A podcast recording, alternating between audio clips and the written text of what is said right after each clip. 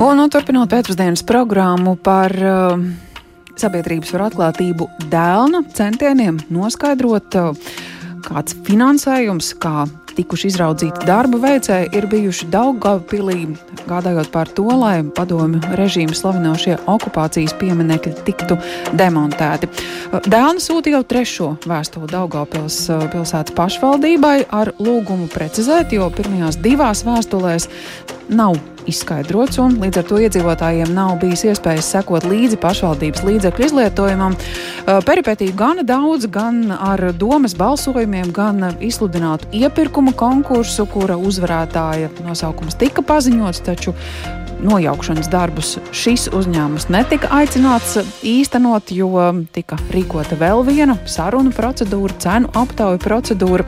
Arī mēs pēcpusdienas programmu gatavojot, sazinājāmies ar Daugopili, runājām ar Daugopils pilsētas domas juridiskā departamenta direktoru Ruslānu Golovanu, un vispirms viņam vaicājām, kāds viņa prāt ir skatījums, kāpēc Dēlnai ir jāraksta jau trešā vēstule.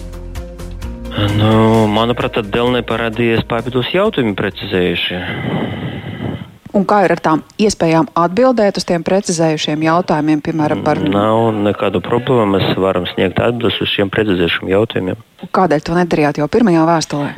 Pirmā vēstule nebija uzdota šāda veida jautājumi. Varbūt jūs šobrīd arī varat precizēt mums un klausītājiem par to cenu aptaujas procedūru, kā izraudzīti pretendenti, kāds bija tas piedāvājums. Tas noteikti taču ir fiksēts. Protams, viss ir fiksēts. E, nu, ja runājot kopumā, mums e, sakarā ar pieminekļu demontāžu ir bijušas kopumā četras e, procedūras. Pirmās divas procedūras bija tikai par dokumentācijas izstrādi, kurā nepiedalās neviens pretendents. Trešā procedūra, publiskā procedūra, mēs apvienojam gan projektēšanas dokumentācijas izstrādi, gan arī būvdarbus, un tur bija iesniegti divi piedāvājumi. Tieši tādā iepirkumā bija izvēlēts uzvarētājs ISZLZ par kopēju līguma cenu 57,386 eiro ar PVN. Un tieši ņemot vērā ISZLZ piedāvājumu, tika sagatavots domas deputātiem lēmuma projekts par finansējuma piešķiršanu. Tas patiesībā jau ir aprakstīts iepriekšējās vēstulēs, bet par cenu aptauju. Par cenu aptauju varu paskaidrot sekojušo, ka nu, ņemot vērā varbūtību, ka e, deputāti var arī neatbalstīt e, šāda veida lēmuma projektu, bija sagatavots rezerves variants, plāns B tā saucamais. Un e, domas izpildu institūcijā 12. oktobrī uzaicināja piecus pretendentus ņemt dalību slēgtajā cenu aptaujā par šo objektu demontāžu. Un piedāvājumu iesniegšanas termiņš bija noteikts 13. oktobris, 15.00. Tieši pēc domas sēdes, kad būtu zināms jau domas deputātu balsums par finansējuma piešķiršanu. Un 13. oktobrī deputāti nobalsoja un neatbalstīja finansējumu piešķiršanu saskaņā ar ZLZ piedāvājumu. Pēc domas sēdes tika izskatīts viena pretendenta piedāvājums, jo no pieciem pretendentiem piedāvājumu iesniedza tikai viens pretendents. Un šīs piedāvājums bija par aptuveni 14% lētāks nekā bija ZLZ piedāvājums. Līdz ar to tika pieņemts lēmums noslēgt līgumu ar šo pretendentu. Un 14. oktobrī jau bija parakstīts līgums par objektu demontāžu. Dēlna lūdzu sniegt iespēju iepazīties ar šo līgumu anonimizētā formā, nenorādot uzņēmumu nosaukumu. Tas būtu izpildāms. Būtu izpildāms, jā.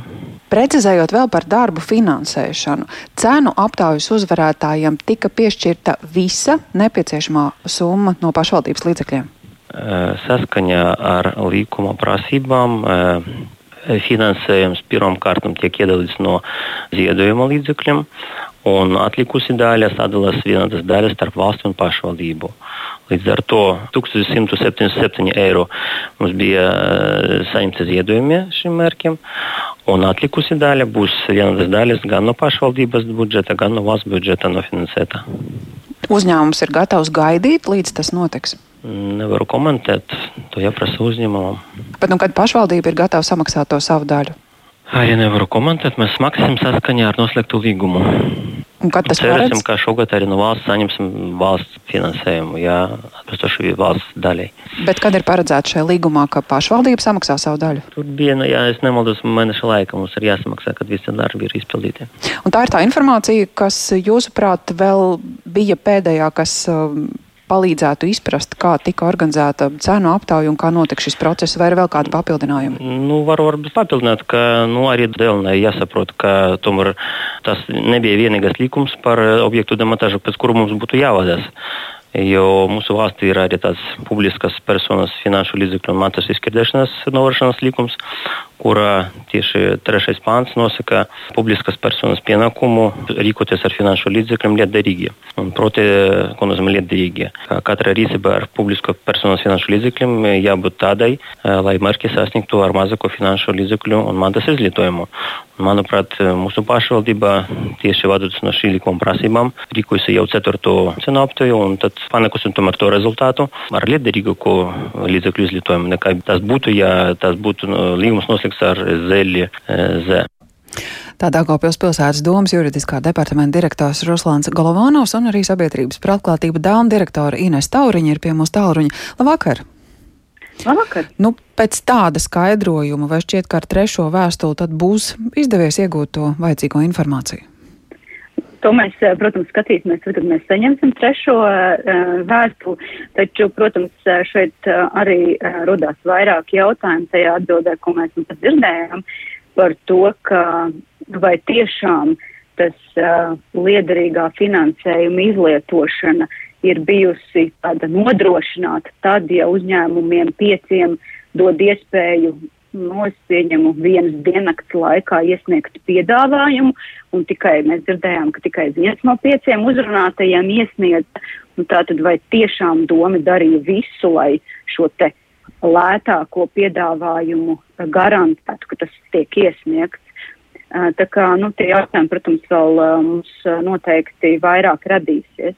Vēl jāsaka, ka nu, tas, tas, ko mēs esam teikt, salikuši no līdzinējām atbildēm no, no Daugavpils, ir, ka uh, jā, 13. oktobrī doma lēma, ka nav naudas, lai šo uh, iepirkumu, kur ZZ uzvarēja, tika atzīta par uzvarētājiem jā. īstenotu, bet tāpat laikā šo te pašu iepirkumu tikai 2. novembrī, eh, trīs dienas pēc faktiskās darbu demontāžas, iepirkuma komisija konstatēja, ka ir jāpārtrauc iepirkums, jo nav naudas, un tikai 3. novembrī pašvaldība informēja šo uzvarējušo uzņēmumu. Nu, tad jautājums ir, nu, ja viņi to saprata 13.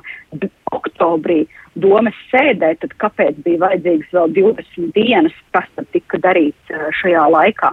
Nu, tā kā mēs uh, liksim kopā, teikt, šīs atbildes un zīmēsim to puzli, lai saprastu, nu, kur tad ir tas, uh, vai tiešām pašvaldība ir rīkojusies godprātīgi, atbildīgi un pareizi. Mēs saprotam, ka situācija ir ļoti sarežģīta. Likumi, speciālie likumi tika pieņemti, lai šo situāciju risinātu un tam līdzīgi, bet nu tomēr. Kā ir ar citām pašvaldībām? Vai citur arī tā finanšu puse rada jautājumus, un, ja rada jautājums, vai ir iespēja saņemt arī atbildes? Nu, jāsaka, mūsu ja tādi resursi uh, analizēt visas uh, pašvaldības šajā posmā ir diezgan uh, ierobežoti. Mēs varam runāt par Rīgu, kur mēs esam aktīvi iesaistījušies, un šajā gadījumā par Daugavpili, bet uh, mēs um, drīzumā plānojam arī ar ministriju kopā prasīt šo informāciju tiešām tad no tādas malas paskatīties, cik tad liels tās summas ir bijušas katrā pašvaldībā un tad, tā teikt, skatīties pagātnē, kā tad ir, ir veicies citām pašvaldībām. Šis vienkārši gadījums, protams, ir piesaistījis uzmanību tiešām ar to, ka darbi tiek veikti, konkurss nav noslēgts, bet veids kāds cits, nu, kas skaļi liecina par to, ka uh, kaut kā tur tie procesi netiek, netika organizēti līdz galam pārdomāti. Tātad gai... un godprātīgi. Gaidot trešo vēstuli, ir iespējams, ka būs jāraksta vēl ceturtā. Jā, mēs uz to gatavojamies pilnīgi, ņemot vērā līdzinējo pieredzi. Gan jau mums jautājumi radīsies.